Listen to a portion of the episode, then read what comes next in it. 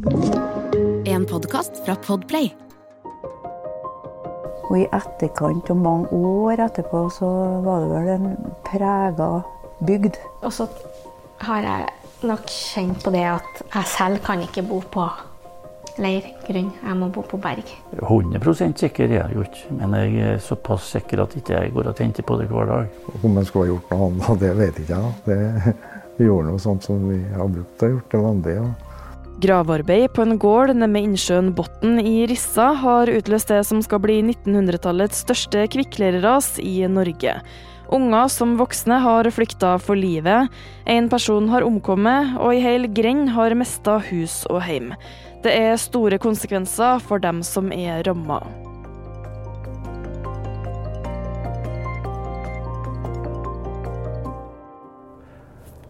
Nå står vi bort med Reins kirke og ser utover mot Rissaraset.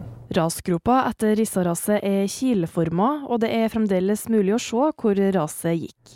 Så uh, vi ser der det starta, og vi ser der det slutta. Og det er en kilometer eller to i alle fall, som i dag er dyrka opp og isådd for, for, uh, for våren. da.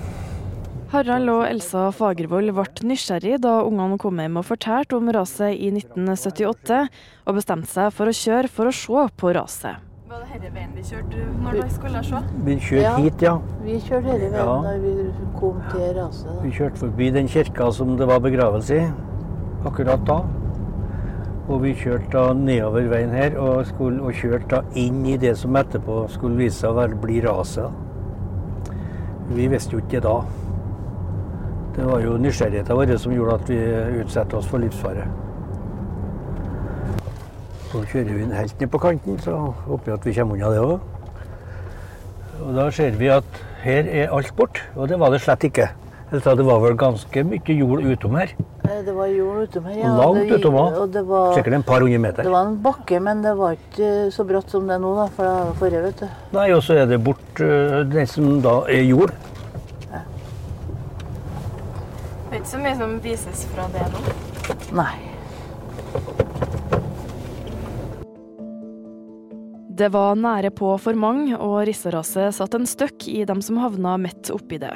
Den første tida etter raset blir det satt i gang mye arbeid for å hjelpe dem som er ramma.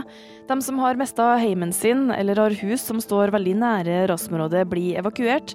Og det blir starta innsamlingsaksjoner for å hjelpe familiene som har mista alt de hadde. Det blir også leita i rasområdet, bl.a. med båt fra innsjøen, for å berge ut noen av tingene som ikke er ødelagt. Medietrykket er stort, og både aviser, TV og radio vil ha en bit av de rasramma.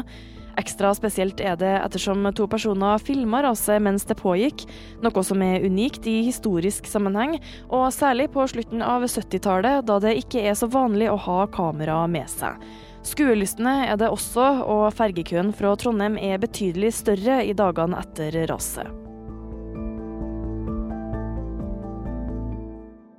Lena Fagervold har gleda seg til Bassar lørdag 29. april, men den blir det aldri noe av.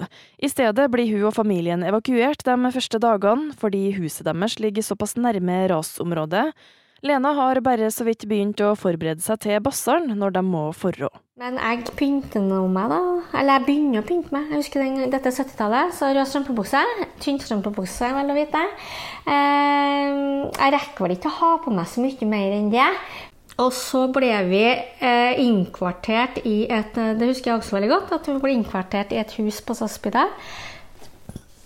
Um, og S-laget der, altså samvirkelaget åpna, så vi fikk tilgang til mat og klær. Og, jeg husker jeg bodde mer eller mindre i den røde tynnstrømpebuksa ca. en ukes tid. da.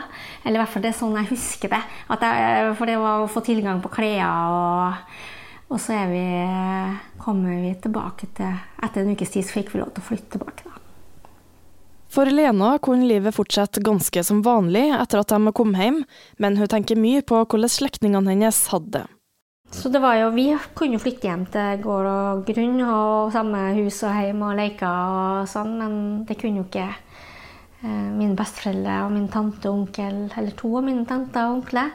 Eh, Så det var jo Så det prega jo oss, det. Det husker jeg jo. Jeg husker jo ikke helt om de fikk en plass å bo ganske raskt, eller, men de mista jo alt, sant? så de måtte jo skaffe seg alt også. Og så husker jeg jo at gårdsbygningen til mine besteforeldre og onkel den ble jo liggende og flyte i bunnen en stund. Så det husker jeg også at eh, etter hvert så var det noen som tok seg inn i den bygningen med dykker og fikk tatt ut bl.a. bunader og litt sånn. Det som var jeg husker at den, Det husker jeg syntes var rart da, som, som, barn. At husene skulle ligge For jeg opplevde at de fløyt ganske lenge. Jeg kunne godt at det var bare dager. Men jeg husker nesten som måneder. Uh, at de lå og fløyt nedi den saltvannsinnsjøen. Uh, det husker jeg syntes var veldig rart. Så husker jeg også griser som kom til rette. For det var jo noen grisefjøs som ble som gikk, Blant annet besteforeldrene mine og onkelen min. da den gården de bodde på. Eh, grisfjøset for jo selvfølgelig, og der var det masse griser. Og så kom jo flere griser til rette. Og så ble de tatt livet av. Det syns jeg var litt rart. Fordi at de Grunnen til det var jo sikkert at de var så stressa og skada, sikkert, men jeg skjønte jo ikke det. Altså Når de overlevde, så skulle de liksom var det ikke forsvarlig at de skulle leve. på en måte. Så akkurat det husker jeg. Det måtte være en forferdelig spesiell dag for dem det gjaldt. Liv Darrell sto brud lørdag 29.4.1978. Ingen av hennes nærmeste ble ramma av raset, men motsetningene denne dagen er slående for Liv. Det var en rar dag, for vår dag den handla om en festlig dag. Og resten av bygdas dag handler om en tragedie. Og det er rart å tenke på i etterkant. At eh, vi presterte å ha en festlig dag på gifta oss hadde et bryllup. Og det var en fantastisk stemning til langt på natt i Heimtun. Og så på andre sida så var det en tragedie som skjedde på andre sida av Botn. Det var rart. Det er rart å tenke på. Fortsatt, tenker jeg. Jeg tenker mye på dem som eh, måtte bygge seg opp nye gårder. Og at generasjonene og historien havna i et ras, det, det syns jeg er en tragedie. Og i etterkant, og mange år etterpå, så var det vel en prega bygd. Den 29. april. Mange herrens år etterpå. Uh, ennå tenker jeg det at når jeg kjører forbi ikke bare raset, men bare de plassene de fikk seg som gårder. De, som gikk, de gårdene som gikk i raset, da. Ja, de, på ett vis var de veldig heldige, men på annet vis så mista de sin uh, historie i et ras. Det er tragisk, syns jeg, tenke på.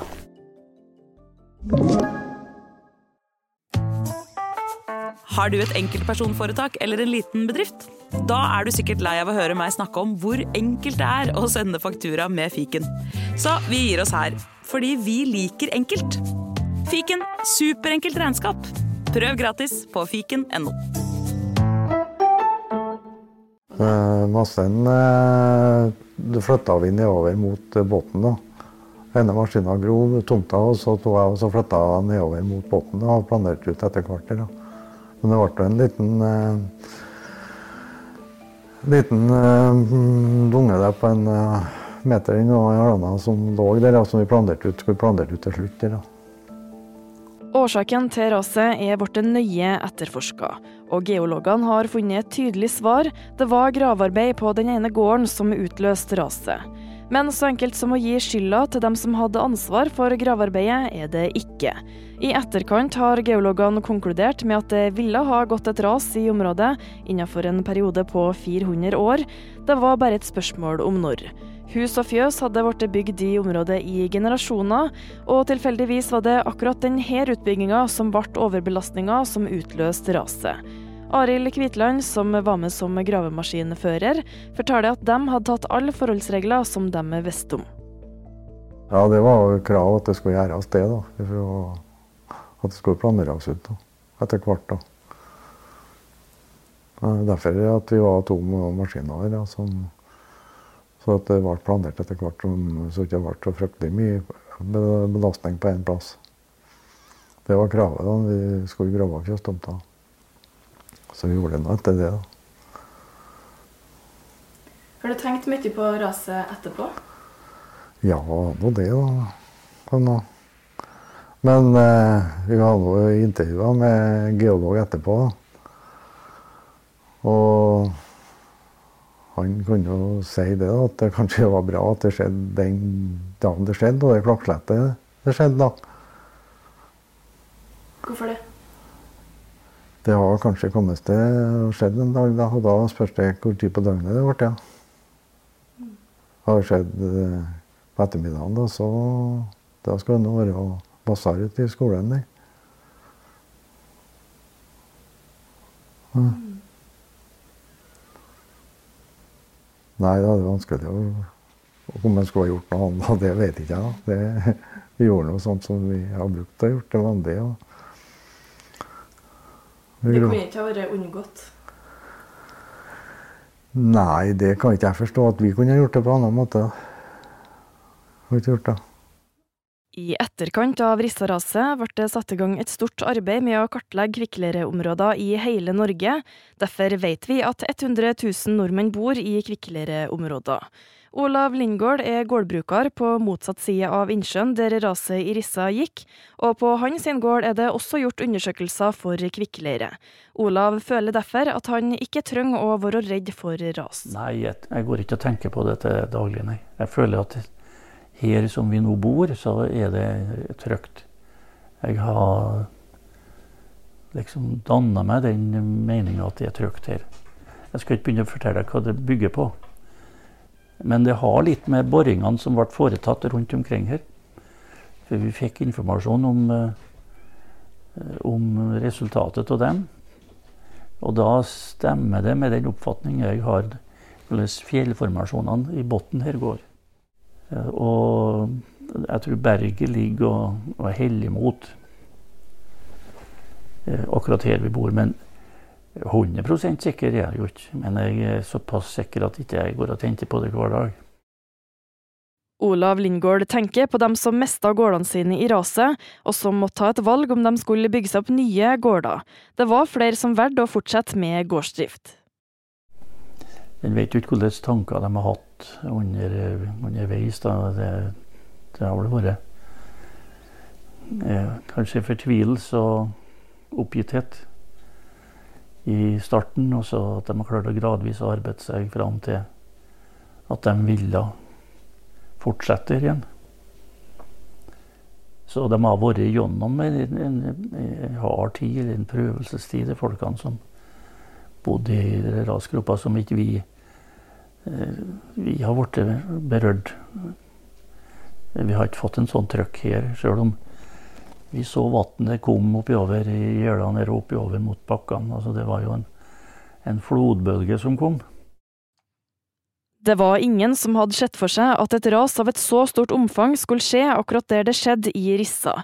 Elsa og ektemannen Harald prøver likevel å tenke tilbake på om det var noen tegn.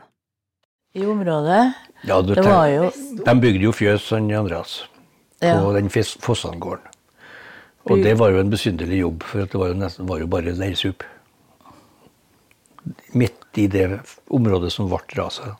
Og likeens så var det noen sånne grøfter eller veiter, eller hva skal jeg kalle det for noe, som uh, gikk igjen og my- mye sånn.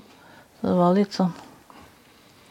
Og likeens hvis det, et spett kunne fare rett igjennom. Men det var ingen som tenkte Men, at det ble så voldsomt, da. men det er det jo mange andre plasser, altså. Nei, vi gikk ikke og tenkte på det at det skulle skje noe sånt. Elsa og Harald måtte flykte for livet i bil fra raset. Det har satt ulike spor i ekteparet. Jeg er den typen Det- som ikke lar meg påvirke noe selv av det. Men For jeg var ferdig med når dagen var ferdig. Men mange har eh, hatt sine tanker om det. ja. Elsa har tenkt mye mer på det enn jeg gjør. F.eks. hvis du hører lyder som kan minne om de lydene den dagen, så får jeg hetta. Og hvis jeg føler noe som eh, at, Noe som- at grunnen ikke oppfører seg fint, så får jeg trøbbel. Da må jeg bare ut. Hvilke lyder kan det være? Nei, det kan jo være drønn og smeller og litt forskjellig. Og, og, og særlig hvis at jeg, i Trondheim f.eks. og jeg føler at jeg er inne i et hus der jeg har kjent at det har rester, for det er sikkert tungtransport som har Akkurat nå så langt på grev omkring oss her. Og det er ikke jeg noe glad for. Og, det, og faktisk, det klirrer i koppene i skapet her når de holder på på det verste. Og det kommenterer hun, da. Det hører ikke jeg. Nei. Jeg syns det er ubehagelig. Om ekstremt høy lyd. Som jeg husker det fra i barnesinnet. da. Mm. Hvordan hørtes den lyden? Den hørtes ut som sånn torden pluss, pluss, pluss. Som er Det er det jeg kan assosiere det med. Sånn voldsom sånn buldring, tordenlyd. Ja. Men høyere enn det jeg opplever torden er. Men, eh, men, men, men veldig lignende lyd som eh, naturen lager i forbindelse med det. Det var jo ikke noe torden den dagen der. så. Det er lyden som sitter igjen best i minnet til Lena Fagervold, som var 80 år gammel da rissaraset gikk. Hun var ute og leka seg sammen med flere andre da det plutselig begynte å rase. Men selv om de var flere som var barn da raset gikk, vet hun ikke så mye om hvordan de andre har hatt det i etterkant. Vi har snakka så lite rundt det følelsesmessige. For det er jo mange av mine søskenbarn som var mine nærmeste lekekamerater på det tidspunktet der. De mista jo det hus og hjem for alltid, liksom. De måtte skape seg nye, eller flytte inn i nye. Mista lekene sine og tingene sine. Gud, Vi har nesten ikke snakka om det, altså. Det ble liksom ikke snakka så mye om det. Det var ikke noe barnepsykiatri eller psykologer eller beredskaps... Eller, eller sånn eh, brifing knytta til krisestab og sånn den gangen. Som man sikkert ville gjort i dag. Så mm.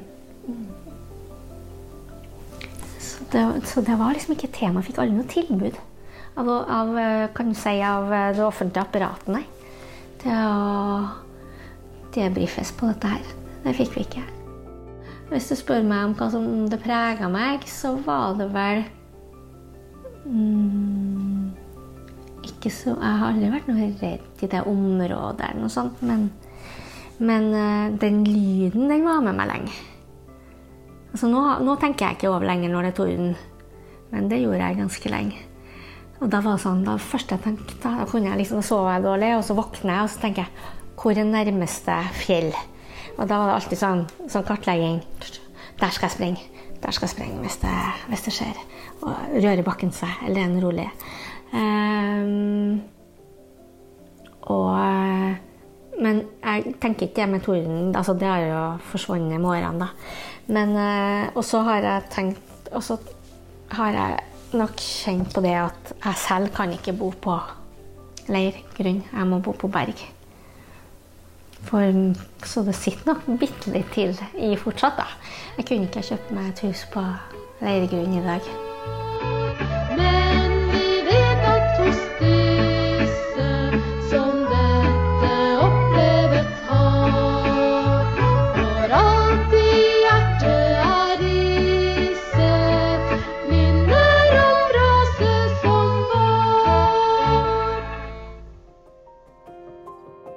Rissaraset er laga av meg, Miriam Alsvik, for Bauer Media.